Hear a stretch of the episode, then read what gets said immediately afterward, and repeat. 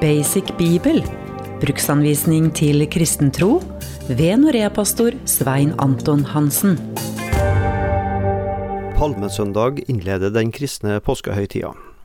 Dagen hører ikke med til frelsesbegivenhetene på samme måte som skjærtorsdag, langfredag og første påskedag.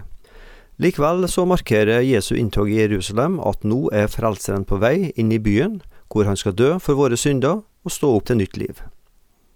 De fleste av oss drar på ferieturer. Mange kristne reiser også på sommerstevner, bibelcampinger eller generalforsamlinger.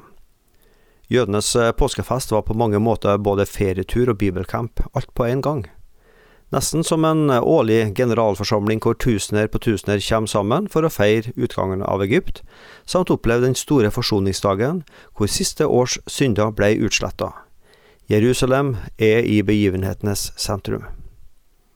Palmesøndag er et navn vi kristne har satt på søndagen som innleder påskeuka. Alle fire evangelistene skriver om denne dagen, Matteus, Markus, Lukas og Johannes. Jesus og disiplene er på vei mot Jerusalem. Idet de nærmer seg Oljeberget, så ber han disiplene om å gå inn i byen og finne et esel og en eselfole. Jesus ønsker å ri ned fra Oljeberget og inn i Jerusalem. Ikke på en høyreist hest som en konge med politisk makt ville ha gjort, i stedet på et lite, tregt og lite ansett dyr som et esel. Hvorfor valgte Jesus en eselfole? Jo, fordi profeten Zakaria i Det gamle testamentet hadde skrevet at Israels konge skulle ri inn Jerusalem på et esel. Eselet skulle vise at denne kongen var ydmyk og ikke krigersk av natur. Jesus, som en frelserkonge, kommer ikke med krig, men med fred.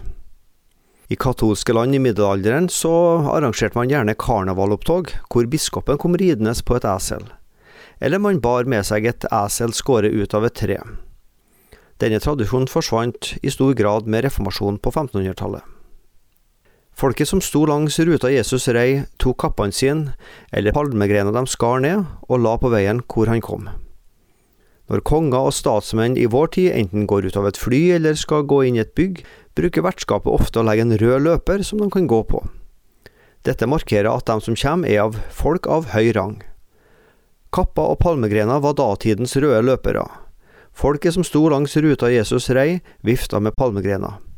Akkurat slik vi gjør med norske flagg på 17. mai.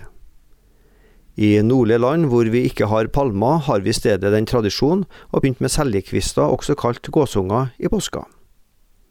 Evangelistene skriver at folket ropte. Lukas presiserer at det var disippelflokken som i sin glede priste Gud høylytt for alle de mektige gjerningene de hadde sett. Sjølve ropet er gjengitt litt ulikt hos de fire skribentene. Sentralt står likevel Hosianna, og ropet velsigna er han som kommer i Herrens navn. Hosianna det er hebraisk og betyr bokstavelig frels nå. Her brukes det mer som et hyllingsrop, nesten som det norske hurra, bare at det legges mye mer religiøs tro i Hosianna fremfor et hurra. I Salme 118 vers 24-26 i Gammeltestamentet så møter vi denne Hosianna-bønna. Der står det Dette er dagen som Herren har gjort, la oss fryde oss og glede oss på den. Og Herre, frels, altså Hosianna. Og Herre, la det lykkes, velsignet være Han som kommer i Herrens navn. Vi velsigner dere fra Herrens hus. Vi kjenner igjen disiplene og folket sitt hyllingsrop fra palmesøndag i disse versene fra Salme 118. Påska rommer både glede og sorg, jubel og klage. Palmesøndag står som en jubeldag. Likevel bærer dagen med seg alvorlige spørsmål til ettertanke. Er Jesus konge i livet mitt? Hva for konsekvenser får det for meg at Jesus vil være konge i livet mitt? Hyller jeg Jesus bare av gammel vane, eller følger hjertet også med i Hosianna-ropet. Jeg er bare en medgangssupporter som bare hyller Jesus når livet går bra, eller vil jeg også følge Jesus og bøye kne for han når det ikke er så populært å kalle seg en Jesu etterfølger? Det står om disiplene at de ikke med en gang skjønte hva som skjedde på palmesøndag, først etter Jesu oppstandelse skjønte de det. Slik kan vi også ytre sett se og lese hva som skjedde denne dagen, men Først når jeg lar Jesus ri inn i livet mitt og ta plassen som konge over tankene mine, viljen min og hjertet mitt, da først forstår jeg rekkevidden av og tar konsekvensen av hvem denne kongen er, som ble hylla med hosianarop.